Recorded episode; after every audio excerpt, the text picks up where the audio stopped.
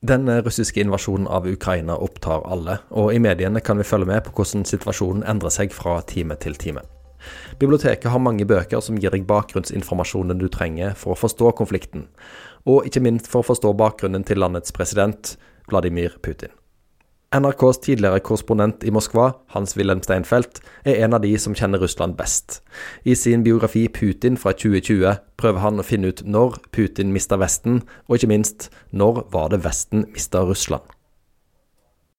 Russlands rebeller av Geir Flikke skildrer den russiske protestbevegelsen og hvordan myndighetene har reagert på de russiske aktivistenes protester og krav om reform. Den første delen av boka gir en kronologisk gjennomgang av protestbevegelsens framvekst og de nye politiske aktivistenes forsøk på å bygge en ny politisk allianse på restene av det som utgjorde 1990-tallets liberale og demokratiske partier. I andre del av boka belyser forfatteren hvordan og hvorfor protestbevegelsen gradvis gikk i oppløsning. I 2017 var for øvrig revolusjon tema for kapittelfestivalen på Sølvberget.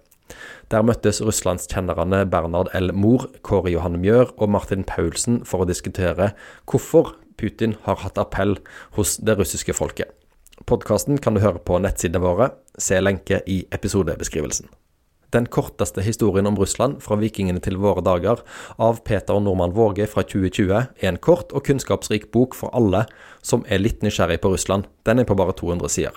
Den tar for seg landets historie fra vikingene og fram til i dag. Kan Russland bli demokratisk? Og hvordan kan det ha seg at et land med en så autoritær historie har fostra noen av verdens største kunstnere? Dette er noen av spørsmålene i Våge si bok. Flere norske forfattere har òg skrevet bøker om Ukrainas historie og geografi, som er helt nødvendig for å forstå Russlands invasjon og krigen som foregår i dag. Erika Fatland skrev i 2017 boka 'Grensen', hvor hun besøkte landene som grenser til Russland, hele veien fra Nord-Korea til Norge. Bjørn Nistad har skrevet boka 'Ukrainas historie', og Morten Strand har skrevet 'Ukraina grenselandet mellom øst og vest'. Og ikke minst Jon Færseth portretterer landet i sin bok 'Ukraina landet på grensen'. Alle disse bøkene kan du låne på biblioteket. Lenker finner du i podkastbeskrivelsen.